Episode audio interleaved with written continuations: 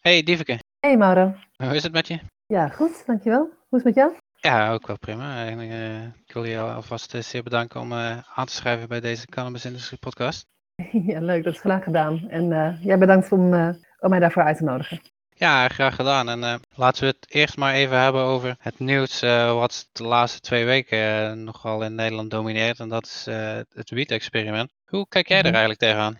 Ehm, ja, een beetje met verschillende gevoelens. Aan de ene kant vind ik het heel gaaf dat, ehm, dat we zoiets gaan doen. Ehm, gaaf omdat het toch weer een stapje dichter bij acceptatie voor eh, de recreatieve kant van cannabis eh, lijkt te zijn.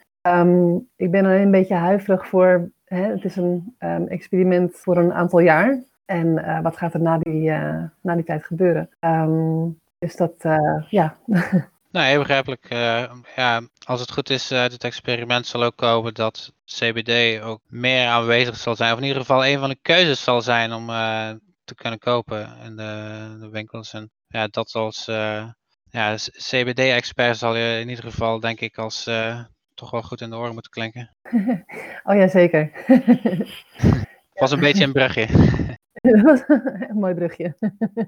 Ja, want je- vertel eens een beetje over je achtergrond. Met CBD ben ik ehm, vooral vanuit ervaringsdeskundigheid eh, in, eh, in aanraking gekomen. Eh, dat was na de geboorte van ons eerste kindje. Ehm, ik had op zich een prima eh, zwangerschap en een prima bevalling gehad. Alleen ehm, we zaten toen midden in een verhuizing van zowel de winkel van mijn man, maar ook ons eh, huis. We verhuisden echt van, eh, allemaal helemaal ook van een ander land weer terug naar Nederland. En nou ja, ik merkte gewoon na de eh, bevalling dat, ehm, dat mijn lijf echt eh, erg onder stress eh, stond. Ik had echt letterlijk de zenuwen gekregen. En ik eh, sliep heel slecht. Ik had ja, eh, ruim drie maanden lang eh, niet, kunnen, niet goed kunnen slapen. En dat kwam doordat ik zenuwpijn eh, had. Later ontdekte de arts dat ik ehm, eh, zowel een zenuwontsteking had in mijn nek, eh, maar ook last had van iets wat carpaaltunnelsyndroom heet. Dus ehm, in je Mhm. polsen zit een, ehm, een, een klein buisje wat de carpale tunnel wordt genoemd. En daar gaan jouw zenuwen doorheen. Eh, en dat kan door, eh, door hormonen, vooral bij zwangerschap is dat wel zo, kan dat verstopt raken. En nou ja, dat, dat maakt gewoon dat je flinke pijnscheuten kan krijgen in, eh, in je handen, je vingers en, en ook de andere kant op je armen richting je schouders. En daardoor kon ik gewoon niet slapen van de pijn, echt letterlijk. En dat maakt me ook heel angstig. Want ja, je, loopt echt een beetje als een soort zombie door het huis. Ja. Ehm, en in die tijd kon de arts ook niet vertellen wat het precies was. En ja, en ik had verschillende therapieën geprobeerd en eh, echt van alles gedaan en niets, eh, niets werkte. Alles maar een klein beetje. En ja, je wordt er ook depressief van, van niet kunnen slapen. En ik verloor ook de functie van mijn spieren. Dus ik kon op een gegeven moment ook geen, ik kon de hele, hele gekke dingen niet meer. Ik kon geen schaar meer hanteren. Ehm, ik stond een keer bij een pinapparaat en ik kreeg het pasje uit eh, het apparaat, kon ik niet meer vastpakken. Want ik had de kracht in mijn vingers niet meer. Dus dat moest ik toen aan iemand gaan vragen. Ja, en dat is echt de gekste dingen. Maar ik kon ook mijn kindje bijvoorbeeld niet meer eh, tillen. Dus dan als ik hem, ik gaf borstvoeding. Dus dan Oh, moest ja. mijn man moest hem dan vasthouden s'nachts. was het ja, echt een heel gedoe. Ik kan er nu al om lachen, maar het was een hele heftige periode. Ja, snap ik. En, ehm, ja, ja, en mijn man die heeft dus een winkel met allemaal producten van hennep. Echt kleding, cosmetica, voeding, voedsel, nou ja, echt van alles. En, maar in die tijd hadden we nog eh, geen CBD-olie. En we hadden daar wel het een en ander van gehoord dat dat goed zou helpen bij pijn. En nou ja,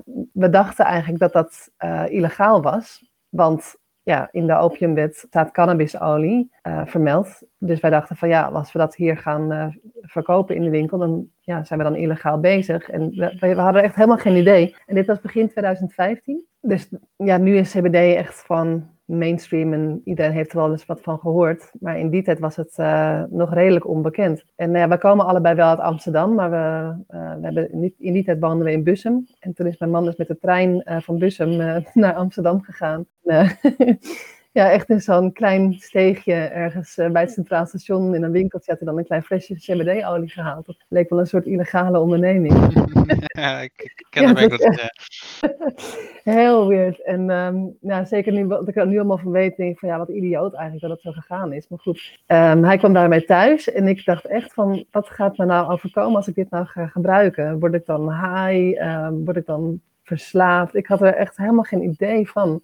En ik gaf dus ook borstvoeding, dus ik was ook nog een keer eh, nou ja, Hm. verontrust wat dat dan zou betekenen voor mijn kindje. Nou ja, En, uh, en daar begon eigenlijk mijn onderzoek. Van, wat is dit nu precies voor stof? Uh, wat doet het in je lijf? Kun je het nemen als je borstvoeding geeft? Um, nou ja, dat allemaal. En eigenlijk kwam ik er al vrij snel achter dat dit uh, gewoon een stofje is wat hele mooie therapeutische eigenschappen heeft.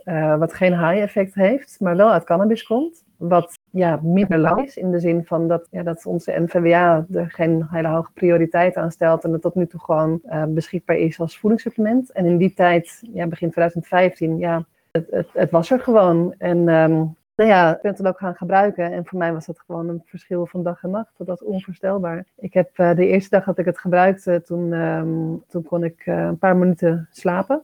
Tien minuutjes of zo.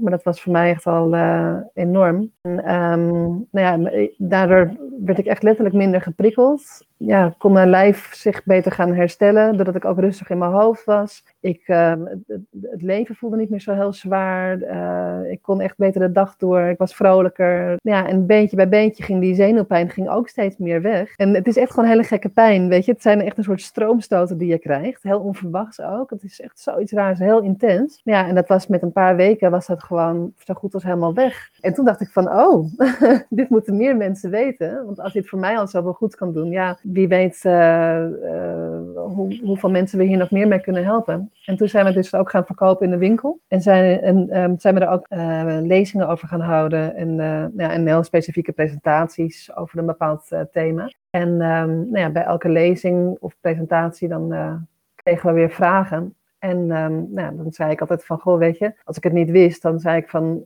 ik ga dat eventjes moeten opzoeken voor je. En geef me je telefoonnummer of e-mailadres of kom een keer terug en dan kan ik het je vertellen hoe het daarmee zit met jouw specifieke vraag. Ja, en op een gegeven moment had ik een hoofd vol informatie dat ik zoiets had van, uh, jeetje, hier moet over geschreven worden. En uh, toen ben ik maar in de pen geklommen. Nou ja, toen kwam mijn eerste boek um, uh, uit. Net, eigenlijk net na de geboorte van ons tweede kindje.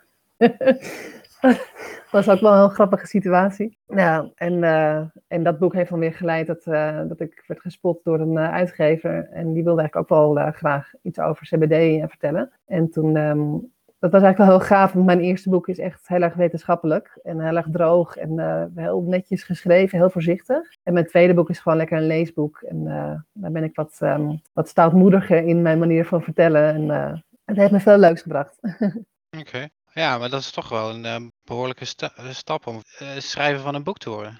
Ja, ja bizar. Uh, ik, ik vind schrijven op zich vind ik heel erg leuk. Ik heb een tijdje lang voor, de, nou, voor mijn man zijn, zijn winkel teksten geschreven. En um, nou ja, ik, zit ook bij een, bij een stichting die iets doet met hennep. En daar schreef ik ook teksten voor en daar werkte ik soms interviews voor uit. maar een boek is toch echt wel ja, flink wat tandjes bijsteken. Het, um, en zeker ook als het over CBD gaat. Want je moet gewoon iets vertellen over de biologie, over fysiologie. Je moet iets van pathologie weten, wat dat ziektes zijn en hoe dat, dat allemaal werkt in je lijf. Je moet iets van biochemie weten. Je moet iets kunnen zeggen over die, um, over die stofjes in die plant. Je moet ook iets weten over wetgeving, want ja, daar is ook nog wel het een en ander uh, over te vertellen. Dus het is een heel breed spectrum eigenlijk. En het lastige aan het schrijven van dat boek was dat ja, het leek wel een gebed zonder eind. Het leek gewoon bijna nooit af te kunnen komen, omdat er steeds meer nieuwe informatie bij kwam. En ook natuurlijk ja, steeds meer onderzoeken. En ook in de maatschappij, gewoon hoe dat we kijken naar, naar CBD als een voedingssupplement, maar ook hoe dat we kijken naar cannabis in, uh, in zijn geheel. Ja, daar zie je gewoon heel veel veranderingen. En uh, dat is gewoon heel tof om daar iets over te kunnen vertellen. Ja, snap ik. Ja, voor de goede orde, die uh, boeken heten Gezond met CBD en de kracht van CBD. Waarvan ik natuurlijk de linkjes in de beschrijving zal zetten van deze podcast. Leuk. Um, ja, je noemde al net al die uh, stichting, uh, de stichting uh, Hemp Collective. Daar was ik eigenlijk niet van op de hoogte, maar dankzij jouw website heb ik daar vanmiddag al een beetje op zitten kijken. Kun je daar iets over vertellen?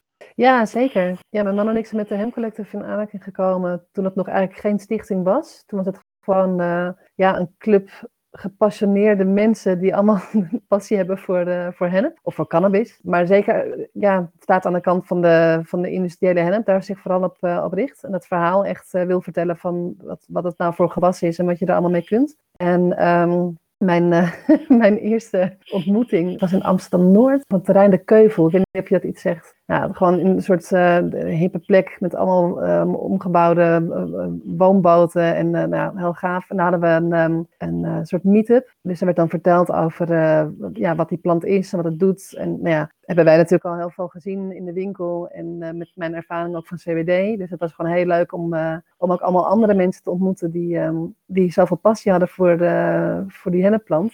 En die specifieke avond was er ook iemand die die was net gestart met het, het, persen van, um, uh, van hennepblad en bloem. En dat was dus een hennep juice. En er werden allemaal kleine glaasjes uh, geserveerd.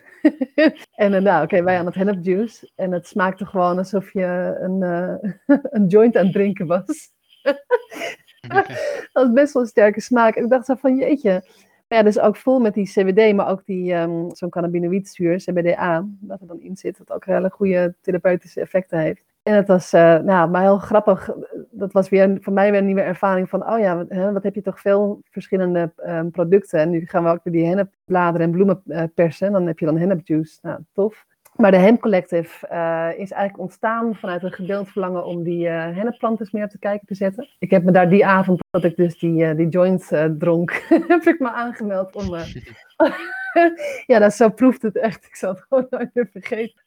ik heb dus aangemeld om eh, te gaan zetten. En uh, dat, dat leek me wel gewoon heel gaaf. Iemand, uh, een van die mensen die zei van, goh, ik ga wat kaartjes uitdelen. En als jij nou zin hebt om iets voor ons te gaan doen, dan schrijf dan even je naam en je telefoonnummer op dat kaartje. En dan ook wat je dan doen, gaan doen. Nou, mijn man die zegt dan zit om iets met social media, met de website te doen. En ik wilde dan gaan schrijven. En s s'avonds zat er iemand buiten een logootje te tekenen op een blaadje. En er werd gitaar gespeeld. En dat was allemaal helemaal gezellig. En um, toen van al die mensen ontstond er een soort van harde kern. En daar hebben we een, uh, een uh, soort ja, um, workshop weekend mee uh, gehad. En zijn we gewoon gaan sparren van wat kunnen we nu eigenlijk met dit verlangen om, om hennep als, als gewas gewoon weer in, in op de kaart te zetten. En wat betekent het dan en in wat voor vorm gaan we dat dan gieten? Nou ja, en uiteindelijk rolde daar dus uit dat we een, een stichting wilden oprichten. En dat werd de stichting Hemp Collective. En hadden we dat een paar jaar nu uh, wat rustig is geweest, hebben we gewoon hele gave dingen gedaan. We hebben vooral veel presentaties gehouden over hennep. En dan hebben we bijvoorbeeld ook mensen uitgenodigd die dan um, over een specifiek aspect van die plant iets konden vertellen. Zo hebben we bijvoorbeeld Albert Dun van Dun Agro uitgenodigd om uh, specifiek over de bouw iets te komen vertellen. We hebben met um, Willem Butger van NPSP we hebben het gehad over um, hennep als composietmateriaal. Ook super gaaf. Dat je dus zo'n plant uh, en de vezels kan, kan gebruiken om daar gewoon nou ja, van ANWB-paddenstoeltjes tot, uh, tot de neuzen van treinen. Nou ja, je kan heel veel met die plant. Gewoon super gaaf als, um, als materiaal. En we hebben een van de meest gave dingen was dat we uh, een hele toffe meetup hebben georganiseerd in Pakhuis de Zwijger. Mm. En die kun je volgens mij nog steeds terugvinden. Um, dat heet de Comeback van Cannabis. Dat was ook een heel tof uh, event. En dan gingen, daar sta ik ook in op de verschillende aspecten. En zelfs ook eventjes over het, uh, het medicinale aspect van, uh, van cannabis of van hennep. En daaruit voortrolde een project wat Fab City heette. Dat was in het kader van um, culturele hoofdstad. Dat was Amsterdam als de Europese culturele hoofdstad van 2016. En toen had je allemaal gewoon toffe ja, projecten. En Fab City was een soort stukje waar dat kon laten zien dat je off-grid kon gaan met een uh, woning. En hoe je dan duurzaam en off-grid kon wonen. En wij hebben toen met de stichting hebben we een, uh, een, een huis hennephuisje uh, in elkaar laten zetten. En ik weet dat het was een hele hete zomer. En al die huizen zijn allemaal heel gaaf en heel tof en heel duurzaam en, en nou, te gek. Maar het lekkerste en het coolste zat je gewoon in dat huisje van Hennep. Dus daar kwam dan op even lekker zitten. En uh, nou ja, dat Hennephuis heeft nog rondgetoerd. We hebben toen um, in Leeuwarden gestaan ook. Aan het Blokhuispoort. En later nog uh, campus van de Universiteit Stenden. En ja, ik heb begrepen dat het nu inmiddels verkocht is. En het zou ergens op een camping staan. Je zou er nu ook uh, je zou het kunnen huren. Maar moet ik nog een keer achteraan waar het nu ook weer precies staat. Maar we hebben bijvoorbeeld ook een hennepjurk gemaakt voor Marjan Minnesma. Um, ja, we hebben echt hele gave dingen gedaan. We hebben onderzoeken gedaan met studenten ja, het is fijn en belangrijk gewoon, want ja, het is een heel mooie plant. En wat mij altijd weer verbaasde is, um, of, en ook raakte zelfs, is dat het echt voor heel veel mensen toch echt een openbaring was van, goh, dit is dan cannabis en kun je daar dan een t-shirt van maken? En als ik dat dan rook, kan ik daar dan stoned van worden? En um, kun je dat dan ook eten? En kun je daar een huis van bouwen? En echt zo, mensen gingen van de ene verbazing in de andere. En, en ja, dat is allemaal cannabis. En nou ja, je hebt dan um, recreatieve of medicinale cannabis en je hebt industriële hennep of vezelhennep. ja, en als, als je dat in een spectrum zet en je deelt het bijvoorbeeld in naar zowel uiterlijke kenmerken, hè, want die vezelhennep, dat is een hele lange plant. Dat is dan fijn, want dan heb je veel opbrengst aan vezel en aan hout. Uh, wat in die vezel weer zit, of in die uh, stam zit. Maar die is dan heel erg laag in die psychoactieve stof THC.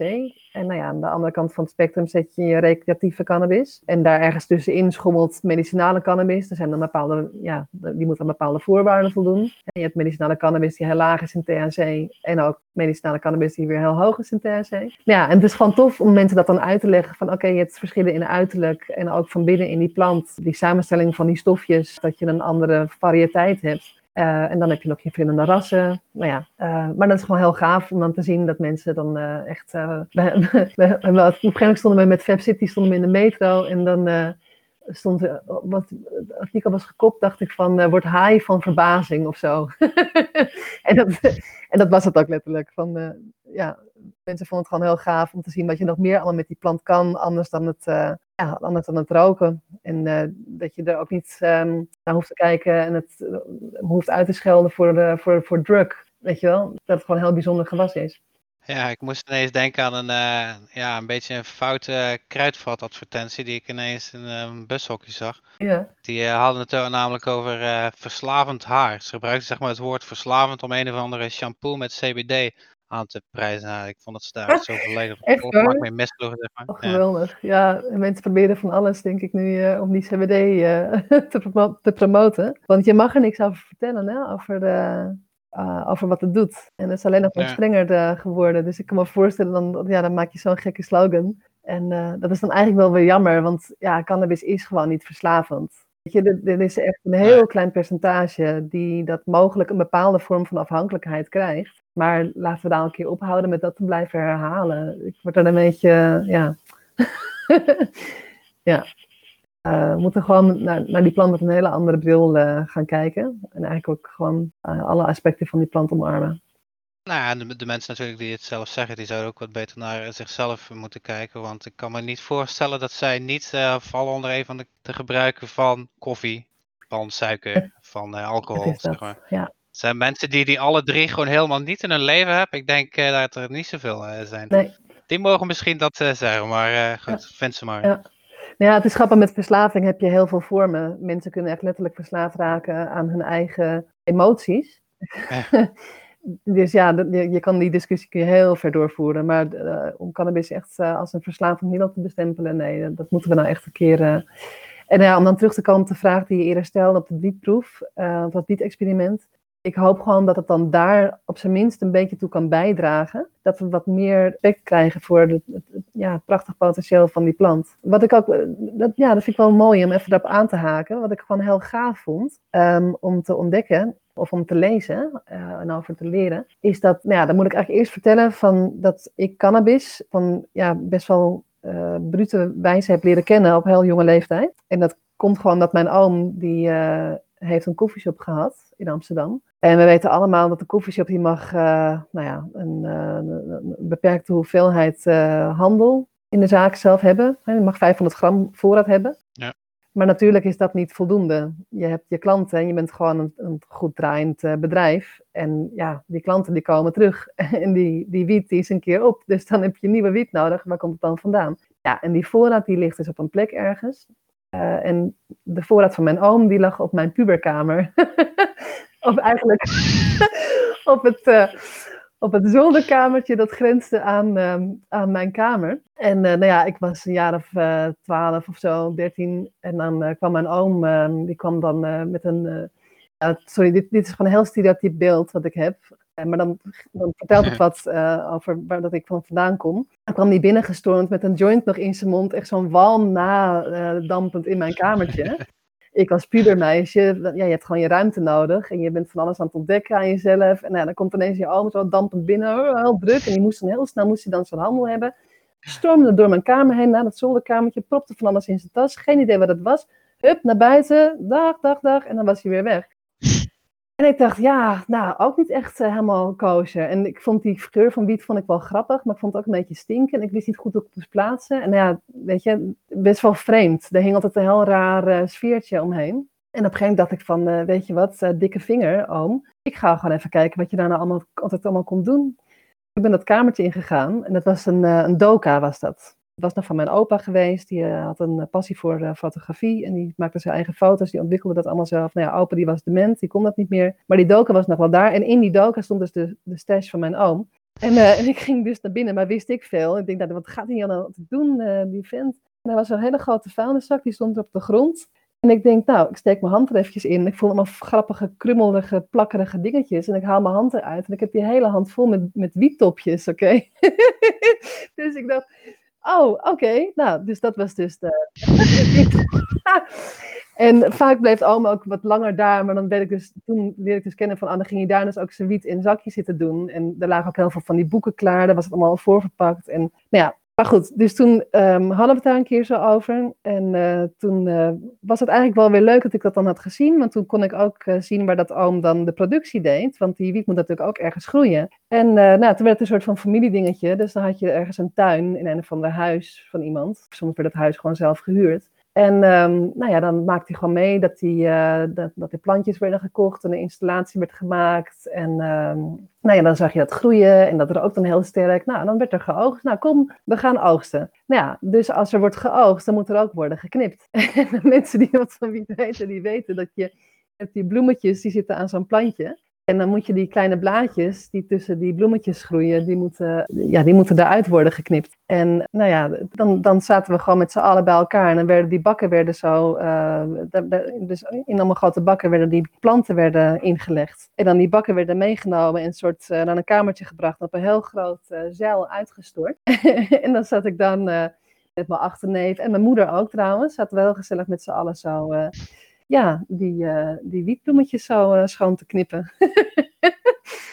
nou ja, en mijn moeder moest het nog een keer goed uitgelegd krijgen ook. Want um, zij dacht dat ze die bloemetjes er zelf af moest knippen. Nou, tot grote van mij. Oh, nee, nee, nou? Ja, hilarisch. Heeft ze ook nooit meer verkeerd gedaan. Maar, um, maar dus, wat ik, dus, hè, dus dat heb ik allemaal van heel dichtbij meegemaakt. Maar, en dat was gezellig en leuk en grappig. Maar er zat ook een heel crimineel kantje aan. En dat was gewoon echt niet leuk. En uh, daar, daar, ga ik niet in deze podcast over vertellen. Dat, dat geeft dan weer zo'n uh, zo'n zweem van, uh, nou ja, criminaliteit. En dat hoeft helemaal niet. Maar dat, en dat komt dus door die wetgeving. Omdat je het dus in een illegaal circuit stelt, maar dan wel um, gedoogd. Dus je maakt het wel toegankelijk, maar dan ja, er kleeft gewoon heel veel uh, illegaliteit en dus ook criminaliteit aan vast. En um, toen ik dus ben gaan onderzoeken en echt in de geschiedenis van cannabis ben gedoken, nou, ik heb gezien van, nou, waar hebben we nou zo'n negatief stigma door gekregen? En uh, ja, dan ga ik met je kijken hoe dat door de jaren heen allemaal verandert. Hoe dat mensen daarover denken. Echt van een gewas wat gewoon overal groeit. En dan wordt het verbannen en dan wordt het gedemoniseerd. En dan komt er een wet. En, um, nou ja, en dan zie je toch in Nederland met die, en dan heel ver voorwaarts weer naar de, de, jaren 70, 80, dat je hier die koffieshops ook ziet ontstaan. Dat mensen die dat die wiet dan gaan gebruiken, recreatief, dat die erachter komen van, goh, ik weet niet, maar als ik dit nou ga roken, dan kan ik ineens beter slapen. Of dan is mijn pijn minder, of heb ik minder last van spasmus. Of, hey, ik loop ineens wat aangenamer. En dus vanuit uh, daar is ook echt het verlangen ontstaan van, uh, of het idee ontstaan van, goh, dit is medicinaal. En dan vond ik het gewoon zo gaaf, dat ik last van dat er echt heel veel koffieshops zijn geweest, die gewoon um, naar de patiënten toe zijn gaan handelen. En um, ook de handen in één zijn gaan sluiten van laten we nu voor die mensen die het, voor de, die het medicinaal gebruiken, het mogelijk maken dat zij die wiet aan een gereduceerd tarief kunnen kopen. En dat, dat maakte gewoon dat ik een heel ander beeld kreeg op koffieshops. Het was heel anders dan de koffieshop die ik had gezien van mijn oom, met alle ja, criminele entourage. En nu ging het alleen keer om mensen die echt gepassioneerd waren voor die uh, hennepplant en ook echt wisten dat het een ja, groot medicinaal, um, uh, medicinale waarde heeft voor veel mensen. En hoe dat ze daar dan mee omgingen, super gaaf ja, dus dat, dat wou ik even kwijt. Zeer interessant verhaal eigenlijk. En uh, een van de vragen die bij mij ook begint te komen, die, die eigenlijk al voordat je hier aan was begonnen, was: uh, heb je daardoor ook een soort van afkeer van THC gekregen? Of heb je het wel degelijk een keer geprobeerd? Zeg ja. ja, ja, ik heb wel degelijk een keer geprobeerd. En, en, nee, ik heb niet per se een afkeer van THC. Nou, ik zal bij het begin beginnen. Ik rookte op, uh, vrij jonge leeftijd joint. Mijn eerste joint was toen ik net nog 13 jaar was. En dat was geweldig. Dat was zo leuk. Echt waar. Wat een lachkick. Ik, weet je, je had in die tijd had je het programma Moppen moptoppers of moppetappers. En dan gingen ze met zo'n microfoon met een hele grote smiley en dan moest iemand een mop vertellen. En dat sloeg helemaal drie keer nergens op. Maar als je zo'n jointje hebt gerookt, dan is alles grappig. En dat was zo geestig. Echt, oh. En daarna kwam de vreedkick. Heb ik de hele koelkast geplunderd. En echt gewoon boterhammen met worst, kaas en chocolade. En echt alles achter elkaar naar binnen zitten stouwen. En dat was gewoon superleuk. Dat was echt wel gaaf. Nou ja, toen heb ik, nou ja, mijn moeder vond het dan ook niet zo heel erg leuk dat ik dan, uh, ja, sowieso niet dat ik rookte aan zich al niet. Maar dan een jointje, dat, dat vond ze ook wel best wel heftig. Ze zegt, nou, dat moet je gewoon, uh, wachten nou maar eventjes mee tot je wat ouder bent. En dat heb ik ook wel een beetje gedaan. Maar toen was ik 16, 17 of zo. En toen heb ik nog een keer uh, een, jointje gerookt. En toen ging het een keer, het ging vaak ook wel goed. Toen was het weer heel gezellig en heel erg leuk. En Um, maar ook een keer dat ik echt helemaal fout ging. En dat ik in een soort van um, psychose is het niet, maar ik zat in een soort van rare kokon. En ik hoorde het geluid heel gek. En ik was met iemand aan het praten, maar ik had precies het idee dat diegene mij echt niet kon horen. En dat ik in een soort gekke bubbel zat of zo. En dat was heel, heel beangstigend en um, heel eng. Dus die kant van THC en nu weet ik van, oh, ik had een White Widow gerookt. Bepaalde inhoudstoffen kan ik het nu een beetje plaatsen van, oh, dan heb ik waarschijnlijk dat en dat ervaren. Nu begrijp ik doordat dat, wat ik daarover heb gelezen en geleerd, van dat er gewoon een heel groot verschil is in welke soort wiet uh, er is. Dat er een verschil is in inhoudstoffen, dat er een verschil is in dosering en hoeveelheid. En, maar ja, in die tijd kon ik dat, ja, wist ik veel. Het was de ene keer leuk en de andere keer weer zo'n beetje gekke ervaring. En um, nou ja, ik ben dan, ik heb hem dan denk ik wel een beetje een nare nasmaak gekregen. Door die ervaring en dan ook door dat hele criminele verhaal van mijn oom. Mm. En ik denk dat dat ook wel maakte dat dat heel erg op me resoneerde toen in 2015 uh, eh, mijn man en ik op zoek gingen naar die CBD-olie. Dat we dachten van, oh, um, is dit dan verslavend? Dus ja, ik, wist het dan nog niet. Hij stond er wat in van, ja, maar ik heb toch ook hier een met allemaal dingen van hem. Het is toch gewoon gaaf. En, ja, en dan ben ik pas meer gaan leren over die inhoudstoffen.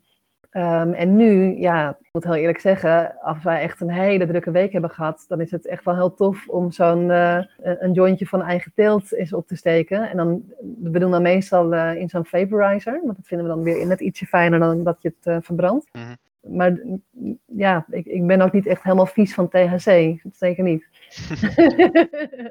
dat kan heel aangenaam zijn. Maar um, nee, ik ben gewoon best wel een druk actief persoon. En um, dat maakt me dan een beetje loom soms. En soms heb ik dat echt nodig. en uh, dat is eigenlijk wel grappig. Want uh, misschien als hij luistert, Bernard Bruining. Nou, ik denk dat mensen die naar deze podcast luisteren wel weten wie dat hij is. Uh, echt een pionier ook op het gebied van cannabis. En zeker ook bij CBD. mensen heeft echt lezingen door heel het land. heeft ook een boek geschreven. Hele toffe man. Ik had hem ook gevraagd eigenlijk voor uh, de podcast naar aanleiding dat hij uh, werd gekozen als uh, ondernemer van het jaar in mijn ja. verkiezing. Maar hij had nog geen, niet gereageerd op nee. mijn mail, dus ik het... hoop dat het zeker wel gaat komen. Ja, ik hoop het echt. Ja, ik denk dat hij gewoon heel druk is. Nou, maar, um, ik ben toen een keer bezig spreken um, bij Nova Research. Um, die waren toen net geopend en nou ja, ik was er iets komen vertellen over, over cannabis. En uh, dat was nog in de tijd dat ik nog niet zo vaak uh, presentaties gaf. Dus ik stond helemaal stijf van de zenuwen. En dat heb ik soms nog wel eens. En ik had geen CBD genomen voorhand. Dus toen besefte ik van, ah, als ik dat neem, dan word ik echt gewoon rustig. En dan uh, kan ik veel beter mijn woorden vinden. Uh, en, het, in het publiek zat dus Bernard en zijn vrouw. En uh, ik weet nog dat uh, ik na die presentatie ging zitten en een beetje zo omheen keek van, oh nou ja, ik kon niet allemaal een beetje begrijpen. En Bernard zei toen zo van, ja, dat was een goede presentatie. Je kan ook nog een beetje meer, hè, een beetje bijschaven en leren. Dat gaat naar, naar, naar gelang dat je dat vaker gaat doen. En ze zeiden toen wel allebei tegen mij zo, we wensen jou echt veel THC toe. en ik, ik dacht, waarom zegt hij dat nou? En toen later dacht ik van, oh ja, oké, okay, ja, ik snap het wel. Zo hyper stuiterbal, gewoon doe even relaxed en uh, even chill. Dus wat dat betreft, uh, ja, daar is THC gewoon supergoed, uh, supergoed geschikt voor. Ja, zeker. Yes. Nee, ik kan ook wel zeggen dat ik ook niet alleen maar goede ervaringen heb gehad met THC. Er zitten ook wel een paar vervelende tussen, maar dat is uh, zo'n klein percentage dat eigenlijk verwaarloosbaar was. Maar ja. ik, ik, zat ook te denken toen je zei over die lachkick. Ik, ik had laatst wel zoiets iets toen ik... Ik heb dat ook eigenlijk bijna niet meer, maar ondanks dat ik wel vrij veel comedy kijk nog steeds, of cabaret waar ik wel van hou. Maar ik, ik, ik weet dat ik niet zo heel lang geleden, tijdens de crisis was dat, ergens een keer een, een edible nam met THC. En ik zat uh, tv te kijken, volgens mij gewoon, uh, ja, aan de reguliere programmering van uh, Nederland 1. En ik ging eigenlijk gewoon helemaal stuk gewoon om, om de, de, de bizarheid. Ik, keek er even ineens tegenaan met een iets ander perspectief. Ja. En dat is juist wat je dat, waardoor je inderdaad ontzettend uh, in de lach kan schieten. Ja. Zeker lekker. Ja, dat is gewoon heerlijk. Af en toe gewoon lekker lachen. Zeker nu. Gewoon, uh, ja. Nou, ik vind wel belangrijk, weet je, want dit maakt ook gewoon van. Um, kijk, als je zo'n nare ervaring hebt, dat is ook echt niet fijn. Maar de grap is dat je, je kan gewoon met, met cannabis kun je niet overdoseren. En dat heeft te maken met, hè, uh, dat, dat kun je dan in mijn boeken lezen. We hebben specifieke receptoren voor, uh, voor cannabis. Dus dat zijn een soort grote moleculen in de wanden van onze cellen. Dat zijn een soort sleutelgaten. Nou ja, die stofjes uit die cannabisplant die haken daarop in. Die, die kunnen zich daarop aansluiten als een sleutel en een slot. En dat heeft een bepaald effect. En die zitten ook in onze hersenen, in heel veel verschillende gebieden van onze hersenen. En dat, uh, nou, daar heeft cannabis dan een effect op. En dat verklaart ook voor een heel groot deel waarom dat er zoveel verschillende soorten ziekten zijn, waar dat uh, mensen baat hebben bij uh, CBD en zeker ook bij THC. Maar waar, dat niet, waar die receptoren niet of, of heel weinig zitten, dat is in de, in de hersenstam. En dat is dus het deel van ons, onze hersenen waar dat alle hoe zeg het, alle autonome functies zitten. Dus je ademhaling, je hartslag, uh, nou ja, alle vitale functies, uh, die worden gestuurd vanuit de hersenstam. En dat is dus ook een heel groot verschil met opioïde-receptoren. En uh, nou kom ik weer op een ding. Ik weet nog in het begin toen ik dat onderzoek deed naar wat CBD nou precies is. Toen kwam ik er dus achter van, hé, hey, we hebben een, een, een, wij maken zelf dus ook stofjes aan. Die lijken op die stofjes uit de cannabisplant. Dus CBD en THC, dat zijn cannabinoïden. En uit de plant heet dat dan fytocannabinoïden.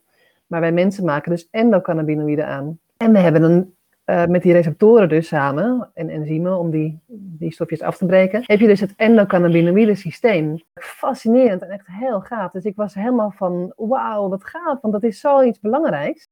Ik ben het het lichaams-eigen cannabis systeem gaan noemen. Dat is gewoon van het moment dat we ja, eigenlijk worden verwekt, totdat we het leven weer verlaten, is dat van essentiële waarde voor tal van lichaamsfuncties. En het houdt telkens lichaamsprocessen in balans. Het is ook een soort ja, balanssysteem bijna in die zin. En nou ja, dus ik was helemaal, uh, vond ik zo gaaf.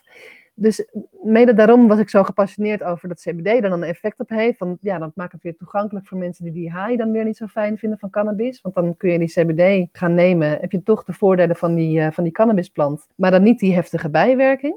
En ik raakte erover in, in gesprek met iemand van de NVWA. En die, uh, die zei me toen van, och, maar dat is toch allemaal niet zo bijzonder. Daar hebben we toch ook uh, opioïde-receptoren. Dat, ja, dat is ook van de opiumplant. Het is ook een plant die kan ook aangrijpen op, op die receptoren. Dat is nog niet zo heel bijzonder. En toen kon ik me nog niet zo goed um, verwoorden. Maar nu denk ik van, ja, wat een onzinopmerking, want dat is dus een heel groot verschil, hoe dat het in ons lichaam werkt. Maar zeker ook dus dat die opioïde-receptoren wel in de hersenstam aanwezig zijn en die cannabinoïde-receptoren niet.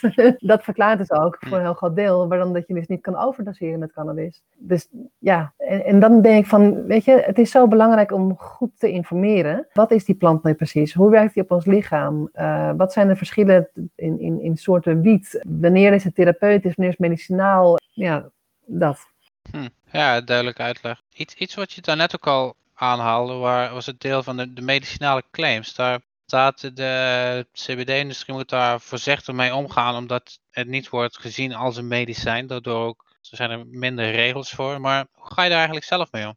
Nou ja, weet je, ik zelf verkoop geen uh, CBD in een webshop. Ik heb, um, ik heb een praktijk en in mijn praktijk begeleid ik mensen met bijvoorbeeld chronische pijn, met stress. En in mijn praktijk heb ik wel wat CBD-flesjes staan. En voor mensen die daar echt nood aan hebben of die dat heel graag willen proberen of dat dat bij hun specifieke aandoening goed werkt, heb ik ook flesjes waar dat uh, juist ook THC in zit. Maar ik mag dus op mijn eigen site mag ik claims maken, omdat ik dus niet link naar um, een, een, commercieel aangeboden CBD-product. Uh, mijn man heeft een uh, winkel en webshop met um, allemaal hele producten, maar dus ook CBD. En uh, ja, hij mag eigenlijk gewoon helemaal niks zeggen over de werking ervan. Je mag ook niet eens spreken van, van een, een werking. Je mag ook bijvoorbeeld niet zeggen dat cannabis in de geschiedenis werd gebruikt, bijvoorbeeld tegen jicht of uh, tegen reuma of uh, nou ja, weet ik veel. Je mag niet zeggen dat zelf een uh, lichaams-eigen cannabis systeem hebben, omdat dat dan iets van medicinaal of therapeutisch effect afstraalt op het product. Dus je mag helemaal niks meer zeggen over de CBD. Dat is gewoon super lastig. En nou ja, hoe dat wij dat dan een beetje onderbouwen, is dat we dus, uh, nou ja, ik heb op elke donderdag heb ik uh, gratis adviesgesprekken. Dus daar kunnen mensen zich voor, uh, voor aanmelden. En dan ga ik echt lekker de diepte in op een specifieke situatie. Wat voor soort product is goed voor jou? Wat voor manier van toedienen bedoel ik dan? Wat voor dosering moet je aan denken? Gebruik je medicatie? Want er kan interactie zijn tussen CBD en medicijnen. En met Misas en Winkel hebben we het dan altijd onderbouwd door gewoon lezen te houden. En dus toch klanten te kunnen informeren. Maar dat is gewoon best wel jammer dat je gewoon helemaal niks mag zeggen. Nou ja, en, en op die manier doen we dat. Dus ik verwijs, nou ja, niet, niet online, maar um, als er dus mensen zijn die, mij in de praktijk, die bij mij in de praktijk komen of die mij benaderen via zo'n gratis adviesgesprek um, of in de wandelgangen, weet ik het, dan verwijs ik ze wel vaak naar de website van mijn man. En als mijn man iemand tegenkomt in zijn winkel die dat uh, meer de diepte in wil, in en nou ja, bijvoorbeeld een coaching traject wil gaan opstarten of fijn zou vinden om begeleid te worden met het gebruik van CBD uh, en of THC. Of gewoon ze willen kijken van op welke andere manieren je dat lichaams-eigen cannabis systeem kan, uh, kan ondersteunen. Um, dan verwijst hij weer naar mijn praktijk. Dus we vullen elkaar heel mooi, uh, heel mooi aan. Ja, slim. Ja, jullie webwinkel heet of uh, ik lees hier ook op de website dat het ook een, een, een winkel is in, uh, in Hilversum, Dutch Ham Store. Nu ik dit voor mijn ogen heb en ik hier even dit, uh, de About kan lezen, de naam Hempy, toen ging er ineens een uh, kwartje bij mij. Ja. Ik heb wel eens waarschijnlijk contact met jullie gehad voor een kraampje bij Cannabis Bevrijdingsdag. Ja. Ja, toen ik zei dat ik met jou een podcast ging doen, zei Michel van, oh ja, dat is Mauro. Ja, dat ja en ik heb, we hebben met de winkel heeft hij er ook een keer gestaan. Uh, en ik heb er zelf ook een keer gestaan uh, toen mijn boek net uit was. Oh, met Steve Fleur. Of apart. we hebben altijd wel geprobeerd ook uh, van mijn collega Dirk erg belangrijk om een, ja, een kraampje ook te hebben met specifiek boeken over cannabis. Ik weet dat we daar wel voor gepusht hebben. Ja, tof. Ik, heb toen, uh, ik ben toen aangeschoven, dat was een beetje last minute toen. En het was best wel een lastige tijd. Het was volgens mij het laatste Cannabis Beveiliging Festival. En nou ja, jij weet het waarschijnlijk zelf ook, dat, tenminste dat, dat, dat gaf me altijd mee, van dat het best wel veel geregeld is en gedoe en met de buurt, met allemaal, um, je hebt ook met heel veel uh, administratieve rompslomp uh, te dealen. En nou ja, maar zo heb ik daar heel tof gestaan. En dat was nog met, met ons tweede kindje, die was toen bij ons in de draagzak. Het was echt heel leuk. Okay. Ja. Ja, dat, dat was op zich voor ons ook wel, uh, vond ik persoonlijk ook wel prachtig om te zien dat het ook wel zo'n festival was. Ja. Maar ik, ik denk, hadden we uh, de verkoop van alcohol toegestaan, dan had ik daar, was ik er niet zo zeker over geweest, zeg maar. Nee. Nee, precies. Nou, dan sla je echt weer gewoon een spijker op de kop van dat het gewoon een heel groot verschil is met dat alcohol wat je lijf doet, uh, met je gemoedstoestand en gewoon echt bij heel veel mensen agressiviteit uh, uitlokt. En ja, bij wijze van spreken zou ik uh, willen stellen dat ik met mijn kinderen liever nog naar een koffieshop zou gaan, dan dat ik met ze op de kroeg, uh, in de kroeg ga zitten. En, ja. en dat is best wel een, een bolde statement, maar dat, weet je, het, het niet aangename van een koffieshop vind ik dan dat er dan rookdampen kunnen hangen. Dat, dat vind ik ook niet zo gezond voor een kind. Maar gewoon hoe dat die mensen zijn, uh, die dat in een koffieshop zitten. Uh, de, de doorsnee koffieshopbezoekers, zoals ik het zie, zijn gewoon hele chille, relaxed, leuke mensen. En um, dat is ook van cafégebruikers. Uh, hè, maar op het moment dat die gaan drinken, dan wordt er heel veel gelald en gebrald. En ja, is er gewoon veel agressiviteit. En dat is echt niet aangenaam. Dat is echt een heel groot verschil. Je, je gaat bij alcohol ook gewoon op een gegeven moment kom je op een point of no return. Dan zul je niet zomaar, zeg maar, dat je een beetje de alcohol begint te voelen, dat je het dan ineens ook in korte tijd eh, even niet meer kan voelen. Nee, dat, dat zal langer aanblijven, zeg maar, dan, dan, dan bij THC, weet je wel. Na toch wel een half uurtje, een uurtje, moet je toch zeker wel weer uh, ja, net zo fit zijn als dat je was voordat je die uh, THC tot je toe hebt genomen. Ja, zeker. Ja, je hebt ook geen kater of iets, dat heb je met alcohol wel. En uh, nee, dan kun je nog eens nadenken wat het allemaal doet met je hersenen, met je lever. En het tast gewoon echt organen aan. En dat heb je met cannabis gewoon echt niet. Ja, en op zich, uh, het, het, is eigenlijk dezelfde statement wat je maakt als die belastingadviseur in die uh, documentaire serie Cannabis. Die in de laatste ja, aflevering ook zegt, ja. Klopt, ja, die zegt als ik, ja. ja. Van, eh, ja, als mijn, eh, ik, ik, zou toch liever hebben dat mijn kinderen in het eh, weekend een paar joints roken dan dat ze zich gaan in coma zetten. Ja, ja, het ja. is ook wat de wetenschap eigenlijk zegt. Ja, zeker. Ja. Absoluut. Hoe, nu we het hebben, even hadden over medicinale claims, hoe ga je eigenlijk om met het onderwerp corona en CBD? Nou, weet je, ehm, ik, ik vind. Kijk, CBD heeft gewoon hele goede eh, eigenschappen. Het, is een heel, het heeft een heel breed spectrum aan, aan, aan werkingen in het lichaam. Als het één. Naast, naast alle antivirale eigenschappen, hè, want dat kun je misschien nog niet helemaal goed wetenschappelijk onderbouwen. Als er één ding is wat CBD wel heel goed doet, is gewoon kalmeren en eh, stress reduceren. En oh, hebben we daar nu in deze coronatijd echt nood aan. Ik heb een cliënte en zij zegt dat heel mooi. Ze zegt, eh, CBD die zorgt bij mij gewoon voor een rustige onderstroom. En ehm, dat is iemand die dat enorm veel pijn heeft. Die eh, heeft ehm, sinds haar vijftiende leidt hij aan eh, juveniele artritis.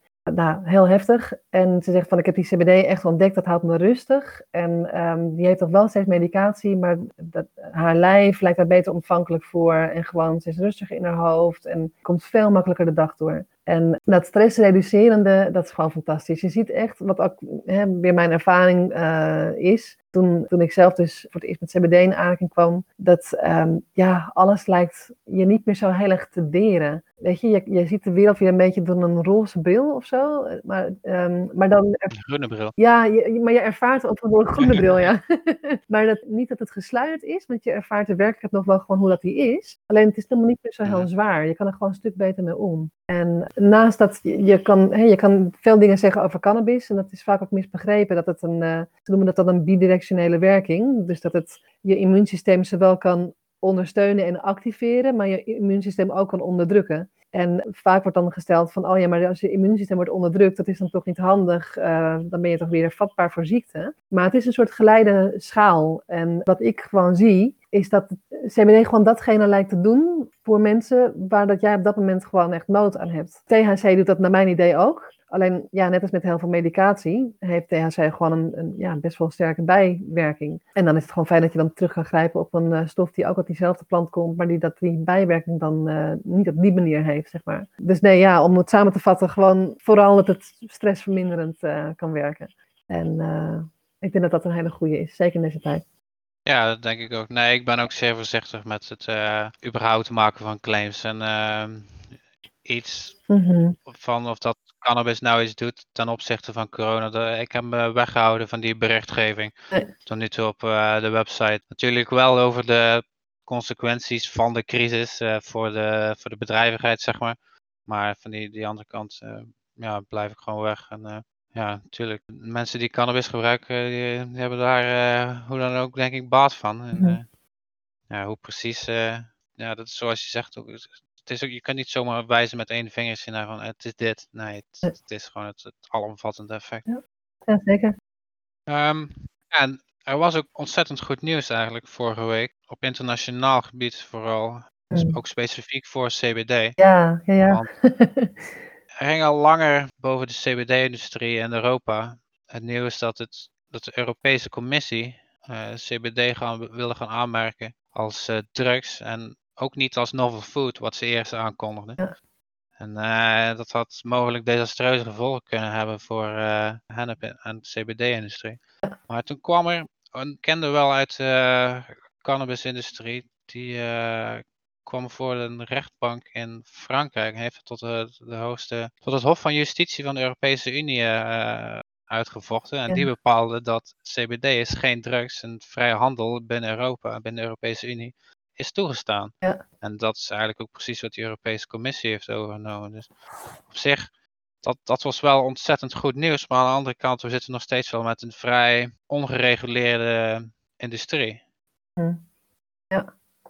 Ja, ik ben alleszins ben ik echt super blij met, uh, met, met, uh, met de recente ontwikkelingen. En dit was gewoon heel gaaf nieuws. En um, als je weet die rechtszaak, hoeveel jaren die mensen daarmee bezig is geweest. Wat een werk, echt een groot. Dus is, dit is een overwinningsslag. En um, ik denk dat, dat, dat heel CBD Nederland, en, en dan zowel de, bedrijven, de producenten, maar zeker ook de gebruikers. Um, en nou, de gebruikers die hebben dat misschien veel minder, te, zijn er helemaal niet mee bezig misschien. Maar hoe gaaf is het dat dat dit nu dat dit de beslissing uh, genomen is. Even kijken, nou vroeg je me twee dingen. Het ging over de, de beslissing, maar je vroeg me daarna ook iets anders. Wat was dat nou ook alweer? nou, het was niet uh, eigenlijk een, een, directe concrete vraag, maar het was meer iets wat ik er even tussendoor moest uh, wandelen, wat het zo belangrijk was dat ik vond dat het gemeld moest worden. Ja, ja, ja oké. Okay. Um, even kijken, je vroeg me niets van, wat was dat nou ook alweer? ik kon even op inhaken, wat je zei. Nou, de, dat de CBD-industrie in feite in Europa gewoon een ongereguleerde industrie is, wat toch wel eens Dat was het. Juist, het ongereguleerde, daar wil ik iets over zeggen. Want ik vind het bijvoorbeeld heel gaaf, ja, jij zal het kan ook wel kennen, de Adviesbureau ja, ja. Nederland, die uh, gewoon een keurmerk hebben gelanceerd. Nou, dit soort... Ja, was ik bij bij die lancering. Ja, ah, tof. Ja, nou, ik heb dat, um, dat, is voor een heel groot deel langs me heen gegaan.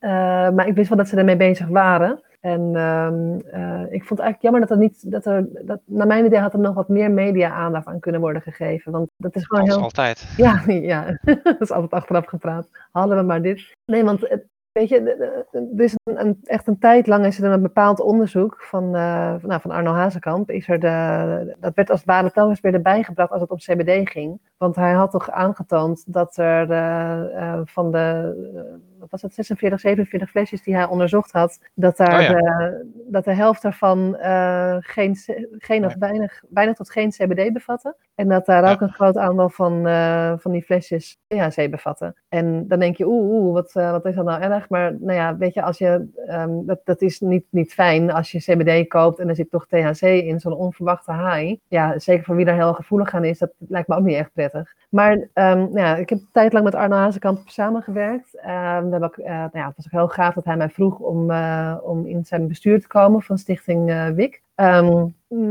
maar in gesprek kwamen we erachter dat de flesjes die hij had onderzocht, daar waren ja, ongeveer de helft daarvan, die kwam gewoon van de vrije markt. Dus niet van, dus van wat mensen zelf thuis maken en dat dan verkopen via Facebook of zo. En dan dacht ik van, oké, nou ja, weet je, een gewaarschuwd mens stelt voor twee, maar dan in dat licht, dat biedt weer een heel ander perspectief op dat onderzoek. Dus waar hebben we het dan over? Wat voor, waar komen die flesjes CBD-olie die zijn getest, waar komen die dan eigenlijk allemaal vandaan? Want het, he, dat, dat, dat onderzoek is aangehaald in, um, in Radar. En toen werden er ook een paar, um, paar merken kwamen er toen in beeld. En het, idee werd een beetje gewekt alsof alle CBD-producenten maar een beetje lopen aan te klooien. En ik ken persoonlijk best wel wat CBD-producenten. En dat zijn stuk voor stuk allemaal mensen met echt een passie voor het vak. En die vinden het super interessant om te kijken wat er nou precies in een product zit. En aan de inhoudstofjes die heel tegen te werk gaan. Die ook echt een um, sample laten testen in een onafhankelijk lab. Die, uh, die wel degelijk heel erg bezig zijn met aanbieden van een veilig en kwaliteitsvol product voor uh, consument, patiënt. Dus nou ja, om dat onderzoek er dan telkens bij te halen, denk ik, uh, nee, we blijven het allemaal nahouden, maar dan lijkt het net alsof heel die markt uh, vol met cowboys zit. En dat is ook maar niet helemaal zo, weet je, er is een enige nuance. Alleen je wil natuurlijk wel, ja, He, um, misschien is CBD iets anders dan een, dan een, een, een, multivitamine. Alhoewel ik me ook wel eens afvraag van, goh, als jij een potje vitamine C koopt, weet je dan ook echt zeker dat die fabrikant test heeft dat er ook echt wel die 1000 milligram vitamine C in zit. Maar omdat het om cannabis gaat, gaan we in één keer dat heel erg laten uitvergroten en, uh, en moet dat helemaal getest en oeh, pas op, want dit, dat. Ja, maar ergens daartussenin zit dan, naar mijn dan de waarheid. Van je moet gewoon wel gewoon zeker weten dat als je een product koopt, wat het ook is, dat wat op het etiket staat er ook echt in zit. En nou ja, wat ik heb begrepen, ik ben zelf geen laborant, maar die cannabinoïden, die stofjes, die zijn, nou, die zijn lipofiel, die binden zich makkelijk aan vet. En dat is niet heel erg eenvoudig om die uh, te kunnen onderzoeken uh, aan, aan, aan hoeveelheid in een bepaald product. En je moet ook um, goede apparatuur ervoor hebben. Je moet, net als dat je een weegschaal hebt die je moet eiken, moet die meetapparatuur apparatuur in zo'n lab moet ook gewoon ja, goed zijn, zodat je een, een, een referentiewaarde hebt. En dan, dat je dan ja, iets kunt zeggen over de inhoud van een bepaalde product of een bepaald extract. Maar dan vind ik het gewoon tof dat er, uh, dat er over na wordt gedacht. En dat uh, in ons land dan het kan opstaan. Die zegt van kijk, we komen gewoon met een keurmerk. En uh, laten we hier nou een beetje naar gaan kijken. Dat we gewoon goede maatstaven of richtlijnen hebben. En ja, kun je aantonen dat jij volgens deze richtlijnen werkt. Nou ja, dan krijg je dat keurmerk.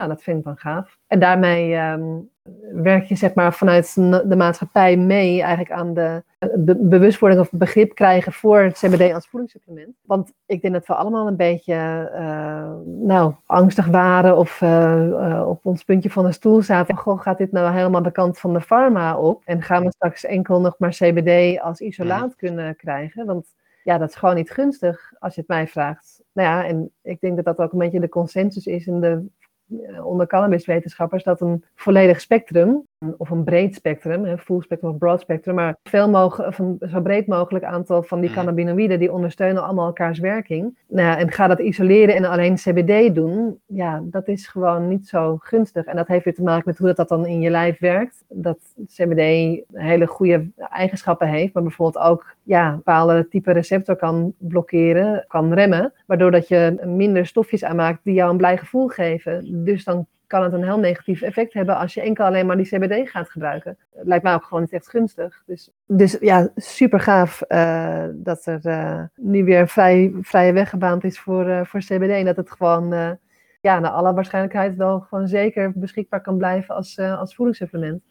En wat mij betreft hoeft dat, de farmaceutische kant ook helemaal niet in de weg te staan. Dan kunnen die twee gewoon perfect naast elkaar blijven bestaan. Maar dat dit een, waarde, een waardevolle stof is en dat het gewoon voor zoveel mensen zo'n wereld van verschil kan zijn, dat, dat is buiten kijf. En dat moet gewoon beschikbaar uh, blijven. Ja, een ander onderwerp wat ik uh, alles eerder in een podcast heb aangesneden, maar wat ik uh, jou eigenlijk ook voor wil leggen, is het. Nou ja, wordt over de top van de bedrijven geklaagd dat er te weinig vrouwen aanwezig zijn. Maar in bredere zin is het ook in de cannabisindustrie zeker een ding dat het percentage vrouwen wat erin in werkt is, ja, denk ik, uit verhouding met het aantal mannen wat erin werkt, zeg maar, veel te weinig.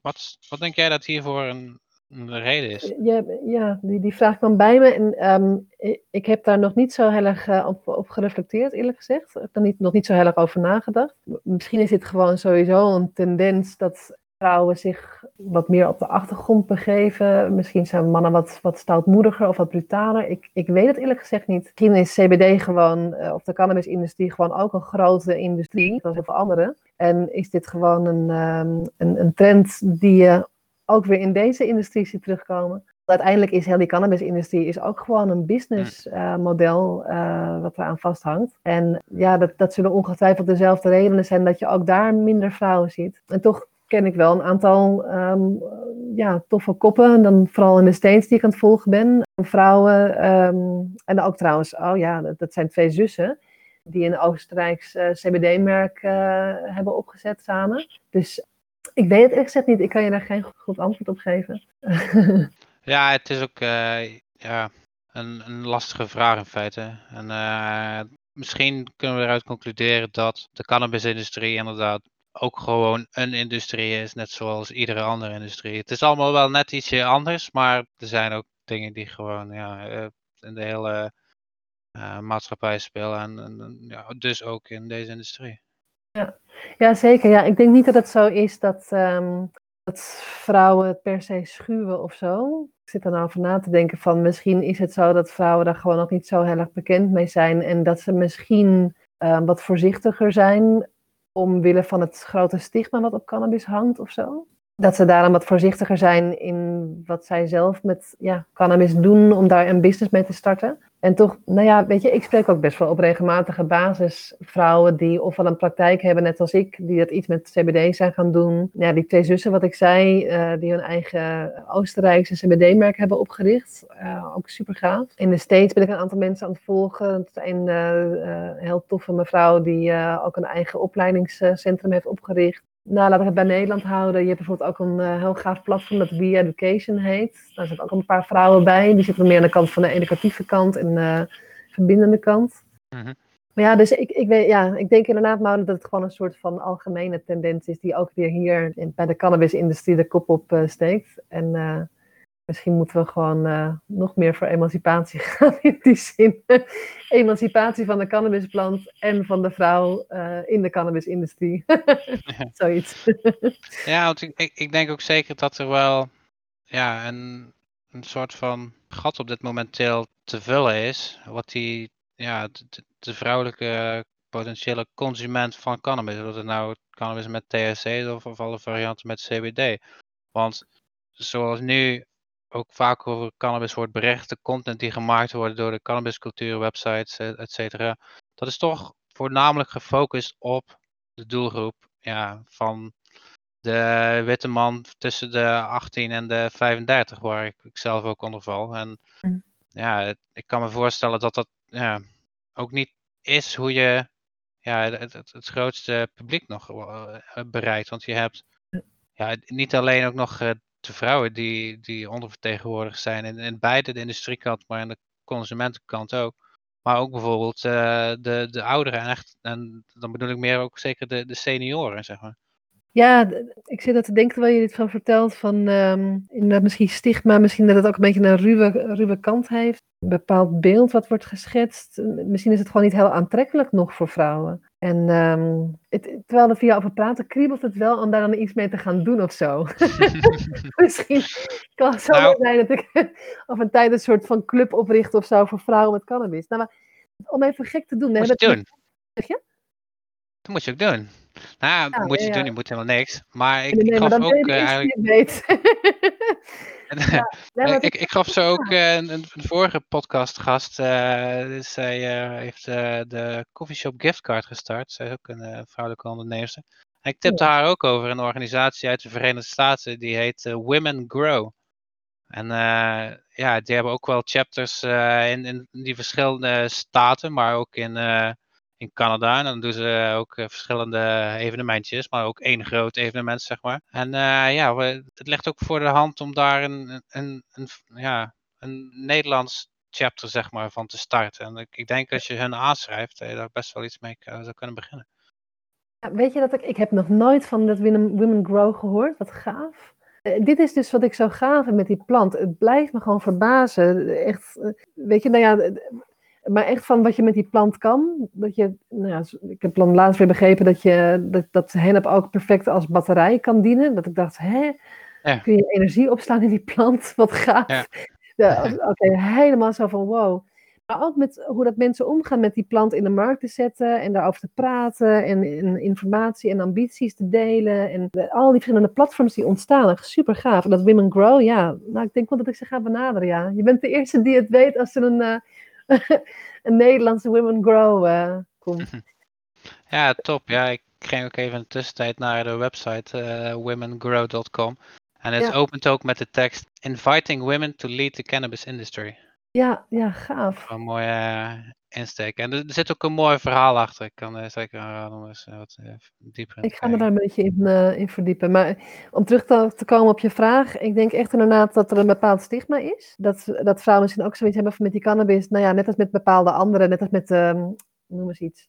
De auto-industrie of zo. Dat, dat moet je liggen. Dan moet je ook echt, wat ik heb begrepen van vrouwen die dat daarin werken. Dan moet je echt haar op je tong hebben. En echt stevig in je schoenen staan, weet je wel. Dan, dat is Ja. echt een beetje een mannenwereld. En dan heb je heel veel verschillende, nu noem ik dat, maar heel veel verschillende industrieën of, eh, of branches. Waar gewoon een beetje een mannelijke tendens is. En Oh, het zou zo goed zijn als, ehm, als vrouwen meer bekend raken in wat eh, cannabis voor hen kan doen. En, nou ja, ik kan misschien wel iets vertellen. Ik, ehm, ik, ben, ik, ik weet nog niet of het me helemaal gaat lukken, maar ik, nou ja, ik ben al best wel verder in. Ik denk dat het, dat het me wel lukt hoor. Niet zo onzeker zijn. Zeker weten. Ehm, ik, ben, eh, ik werk aan een cursus momenteel eh, die ingaat op het gebruik van cannabis door vrouwen. En dan CBD en THC, dus echt cannabis, wiet. En dan bij, nou ja, hè, bij maandelijkse cyclus, maar ook bij ehm, zwangerschap, bij vruchtbaarheid, eh, bij kinderwens, bij uiteindelijk een zwangerschap, bij eh, baren. Nou ja, we mogen niet, denk niet vergeten dat cannabis in echt heel veel landen wereldwijd echt een, een kruid is, eh, wat ehm, ja, voor vrouwen heel veel heeft gedaan. Ehm, eh, zeker rondom heel de zwangerschap, balingspijnen. Eh, dat is gewoon een heel bijzonder, eh, eh, bijzonder, bijzondere plant. En in mijn boek, Mhm. het tweede boek, De geheime kracht van CBD, daar ga ik er ook een beetje op in. Ook over mannen hoor, ik heb jullie echt niet vergeten. er is ook heel veel leuks te zeggen op wat cannabis kan doen voor een man. ja, ik, ik, ik bedenk wel wat, maar ga wel gerust verder op deze gedachte. Je mag je gedachten er vrij laten gaan.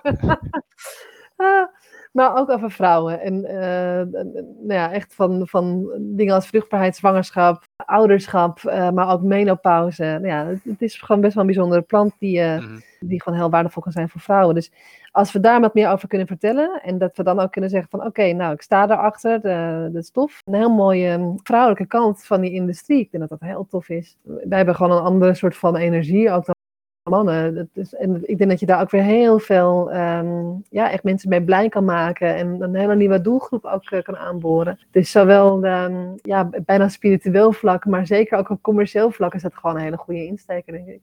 Ja, we hebben weer een zaadje geplant, uh, Mauro. Gaaf.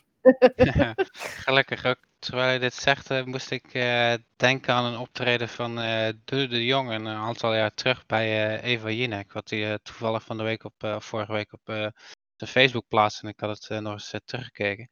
Maar daarin heeft tegen haar ook over van dat cannabis, wanneer het door uh, mannen wordt gebruikt, het meer een vrouwelijke kant zal op laten komen. Het is, het is zeker de, de, de THC-plant die we roken in de, van de coffeeshop, of het plant met. THC, dat is ook de vrouwelijke plant. En dat was ook wel een, een, een, momentje waar ze zichtbaar van opfleurden, zeg maar, in dat gesprek. Eens even terugkijken. Ja, ik moet, ik moet altijd denken van, um, ik heb een persoonlijk mentor, um, zo zie ik hem tenminste. Dat is uh, Henry de Lacroix. Die heeft mij heel erg geholpen met het uh, kunnen realiseren van mijn eerste boek, uh, Gezond met CBD. En hij vertelt me altijd van, kijk, uh, je hebt de yin-yang van cannabis. Net als dat je in heel veel kruiden heb je een yin kant en een yang kant. En ook in ons lijf heb je bepaalde ziekten die meer yin zijn of juist meer yang zijn. En CBD, en ik, ik vertel hierover terwijl ik hier nog niet, uh, ik heb hier niet heel veel kennis van. Maar wat ik wel ervan kan zeggen is dat CBD dus blijkbaar heel veel yang heeft. Dus heel veel van dat mannelijke energie. THC heeft weer heel veel yin. En eigenlijk was de strekking dan van is het wel oké okay als met z'n allen echt alleen maar gewoon dat jangen blijven benaderen. Dan moeten we het juist ook met een beetje yin introduceren. En dan kom je ja. weer um, vanuit bijna de, de Chinese uh, kruidenleer uh, en geneeskunst, kom je dan weer het idee van uh, over, over full spectrum of broad spectrum. Dat je dus al die aspecten van die uh, plant nodig hebt in feite, om je, om je lijf gewoon goed te kunnen dienen, om, om alle gezondheidseffecten daar goed van te kunnen ervaren dus ja, gaaf. Daar is nog heel veel meer over te zeggen, denk ik. Zeker. Ja, het is een interessante uh, theorie en gedachte waar ik ook wel uh, direct verder op begin te denken. Mm. Um, voordat we afsluiten, is er misschien nog iets wat je uh, ja, kwijt wilt? Iets wat ik kwijt wil? Ja, enorm veel. ja, dat mag ook. Nee, weet je, wat ik gewoon belangrijk vind, is dat. Kijk, ik weet dat er een heel interessante commerciële kant is aan het uh, CBD-verhaal. Um, en dit gaat heel, misschien heel geitenwolle sokkig uh, klinken, maar hoe dat mijn man en ik er gewoon in staan, is dat we, we, we zijn altijd met die CBD en met, met die hennepplant, met die cannabisplant bezig geweest, echt vanuit een passie die we gewoon uh, echt diep in ons lijf voelen. Een soort van, ja, diepe wens voor meer begrip voor die plant. En, en, en dat, dat, we doen dat met alle liefde naar, naar mensen toe om gewoon daar informatie over te geven en, uh, en, en, en, kennis en ervaring uh, te delen. Dus als ik iets kan meegeven is, nou ja, uh, zoek ons zeker op. wil je meer weten? Ik ben benaderbaar. Je kan me gewoon mailen. Ik krijg best wel wat mailtjes, maar ik reageer altijd. Soms duurt het wel eventjes. En, en nou ja, gewoon helemaal voor, voor delen en, en verbinden en, en het promoten van dit bijzondere gewas. Ja, dat is uh, mooi gezegd. Misschien ook wel goed om te vermelden, je persoonlijke website is uh, divekekok.nl met uh, yes. KOK en, en, niet met CK. En um, de, jullie winkel is dutchhamstore.eu geloof ik? Ja, klopt.